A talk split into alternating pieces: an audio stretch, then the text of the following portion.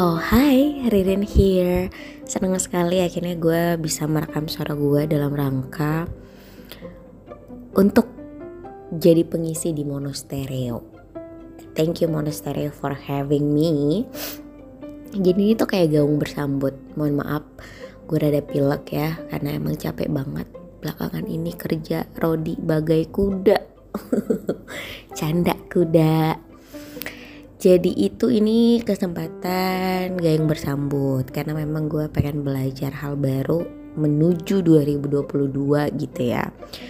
Terus tahunya di approach sama Adit diajakin gimana kalau jadi pengisi di monostereo Oh why not gitu kesempatan baik ini kan Buat belajar. Ya dia udah di sinilah gue Kalian mendengar suara gue hari ini. Buat yang belum tahu gue ini siapa Mari kita kenalan dulu. Gue Ririn Hairatunisa. Saat ini gue bekerja kantoran di salah satu BUMD dan ya gitu I'm nothing gitu gue bukan siapa-siapa bukan expert dan kenapa gue diajakin sebagai pengisi di monasterio jujur bingung gitu kenapa ya kan? Tapi marilah kita sama-sama belajar dengan berbagai macam topik yang nanti akan kita bahas sama-sama di sini ya. Maksudnya gue ngomong sendiri, lo bisa aja komen nanti di setiap podcast yang akan naik di Monostereo. Gitu ya. Jadi untuk kali pertama ini gue pengen membahas tentang self healing. Kenapa gue pengen membahas self healing? Jadi sebenarnya ini topik yang udah lama mendam di pikiran dan hati gue ya kan?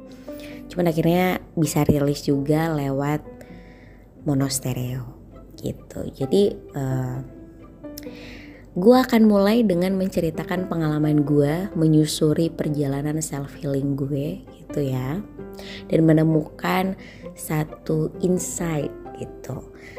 Uh, satu pengetahuan wawasan gitu. Mengenai diri sendiri gitu kan jadi awalnya gue memulai perjalanan gue uh, mengulik-ngulik tentang self healing itu di tahun 2014 sampai 2015 gitu kalau gue nggak salah. Jadi secara tidak sengaja waktu itu ya sebenarnya kalau dipikir-pikir lagi ya bukannya tidak sengaja tapi memang mungkin begitu sudah jalannya gitu ya.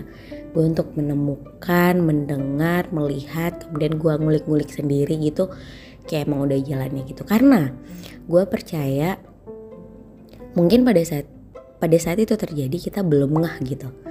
Tapi ketika itu sudah lewat at the end of the day apa pun yang terjadi di hidup kita itu memang untuk kita. Apa pun yang terjadi di hidup kita itu bukan menimpa kita tapi memang untuk kita baik buruk suka duka apa pun itu itu memang di create untuk kita. Untuk kita belajar untuk kita paham untuk kita bisa menjalani kehidupan ini. Gitu kira-kira. Uh langsung bijak. Tapi enggak itu serius.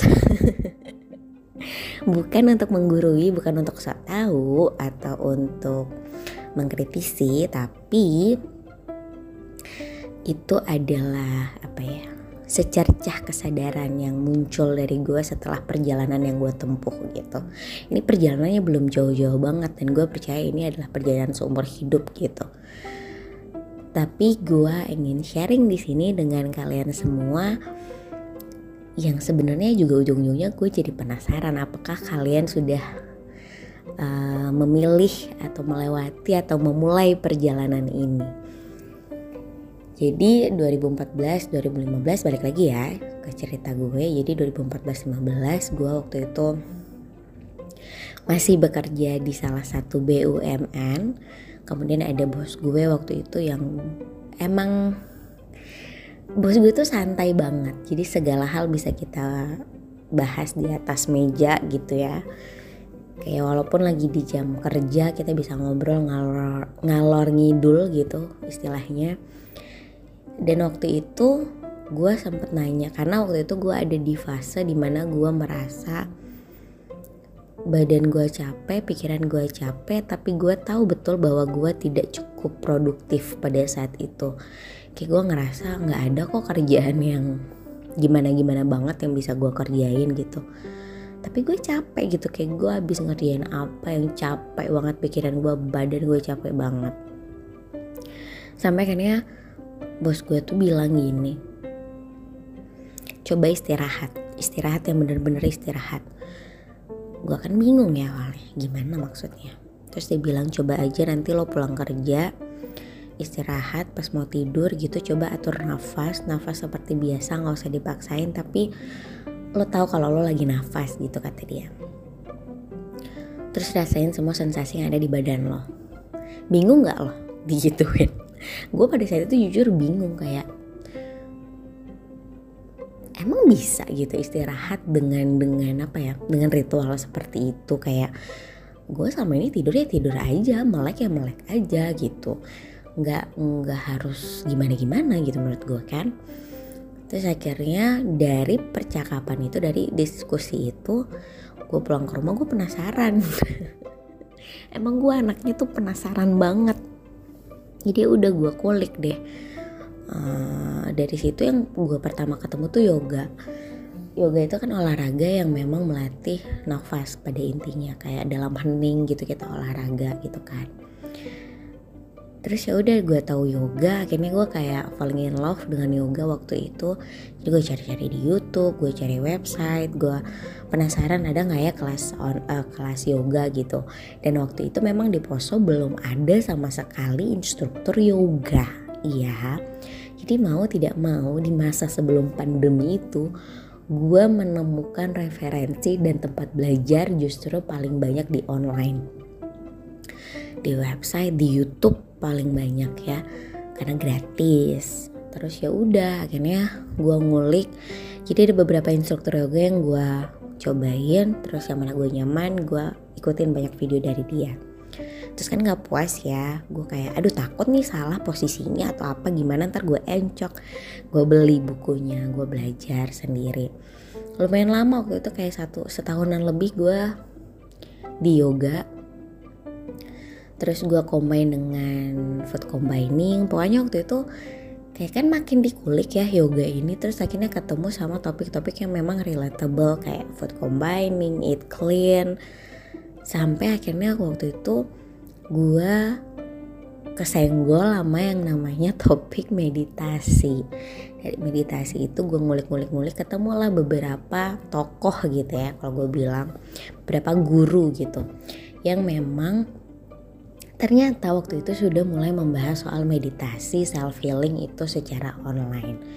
Oh thank God gitu, kayak gue belajar banyak banget di online waktu itu sebelum pandemi.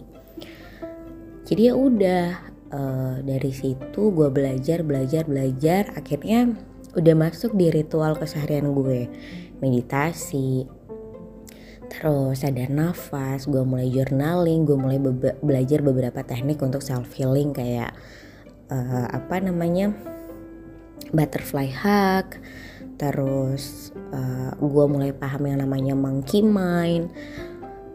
Pokoknya banyak banget kan itu banyak banget apa ya, ilmu turunannya di dalam self healing sampai akhirnya itu menjadi ritual pribadi gue sekian tahun berarti ya. Dan ketika gue melakukan ritual itu yang gue sadari adalah gue semakin kenal atau gue ketemu sama sisi diri gue yang lain. Diri gue waktu kecil diri gue waktu kecewa diri gue waktu marah gitu. Dulu gue itu tahu kalau gue emosional. Gue cepet marah gitu. Tapi I don't know how to release my emotion in the right way gitu. Dengan cara yang benar dengan cara yang aman sampai sekarang pun jujur belum lulus gitu belum tuntas proses belajarku. Tapi thank God gue ketemu. Maksudnya gue tahu bahwa oh iya ternyata emosi itu nggak harus ditekan terus. Kalau emosi itu makin ditekan yang ada dia makin lo tau kan kayak kayak gini loh kayak pasir lo genggam. Ini sebenarnya analogi percintaan kali ya. Kayak mungkin kakak-kakak yang lagi PDKT ya atau yang dalam in relationship gitu pasir makin digenggam makin keluar ke mana-mana karena mungkin emosi kurang lebih begitu. Semakin lo genggam emosi lo makin lo keep emosi lo tuh makin lo tekan gitu yang ada luber ke mana-mana. Dan dampaknya sebenarnya luar biasa mengacaukan sekitar lo diri lo luar dalam gitu. Itu yang gue rasain nggak nggak selesai. Akhirnya numpuk di dalam terus ya udah. Dan sejujurnya proses self healing kalau sekarang itu banyak. Gue uh, apa sering banget baca atau lihat orang-orang memaknai self healing itu sebagai mencari yang damai, mencari ketenangan, uh, mencari kesenangan, melakukan hal-hal yang menyenangkan. Itu nggak salah gitu. Tapi menurut gue, based on my experience bahwa self healing itu adalah sangat tidak nyaman sebenarnya. Tapi sangat powerful dan sangat apa ya worth it gitu untuk dilakuin kayak feeling feeling yang akan lo rasain ketika lo memulai perjalanan self healing lo mengenal diri lo sendiri sadar apa adanya diri lo itu tuh rasanya priceless. Kayak nggak ada yang bisa nggak ada yang bisa ngasih lo experience itu selain diri lo sendiri. Coba bayangin lo bisa aja merasa disayang orang lain lo bisa aja merasa dicintai orang lain tapi lo pernah nggak kebayang lo disayangi dicintai sama diri lo sendiri. Itu kayak apa ya the best thing ever. Gitu kan. Aduh gue bingung banget sebenarnya harus pakai kata-kata apa untuk mendeskripsikan rasanya. Tapi yang gue bisa bilang adalah gue forever grateful dan gue sangat bangga bersyukur bahwa gue nyemplung ke perjalanan itu prosesnya sama sekali tidak mudah dan apa ya kayak gimana sih lo kalau kalau lo pacaran bertahun-tahun ketika lo nggak suka sama pasangan lo misalnya lo bisa aja putus tapi lo sama diri lo sekian tahun seumur hidup lo sampai hari ini ketika lo nggak suka lo akan gimana gitu? Masa musuhan kan enggak nggak bisa musuhan sama diri sendiri. So self healing itu adalah proses yang tidak menyenangkan yang tidak selalu menyenangkan. Bukan proses mencari dan menemukan tapi menurut gue adalah proses untuk menyadari seapa adanya diri kita. Menyadari apa yang hadir di saat ini di sini kini gitu. Kayak hadir utuh di sini kini itu kata-kata Mas Aji Santoso Putro salah satu praktisi mental health juga yang gue juga seneng gitu dari beliau gue banyak banget belajar untuk melatih kesadaran. Jadi kita tuh kan terbiasa untuk autopilot ya. Kayak hmm, kalau kata Mbak Raden Prisya itu salah satu juga yang gue seneng nyimak topik dari dia karena dia juga banyak sekali sharing tentang perjalanan dia untuk self healing untuk menemukan kesadaran diri gitu ya. Dia tuh bilang jadi salah satu gurunya dia tuh bilang kita tuh terbiasa autopilot sampai akhirnya ketika kita dipaksa atau di apa ya dicemplungin gitu untuk mencoba mindfulness jadi di di dalam topik mental health itu ada salah satu topik yang namanya mindfulness. Mindfulness itu adalah sadar gitu kan, sadar kita melakukan apa pun itu dengan kesadaran.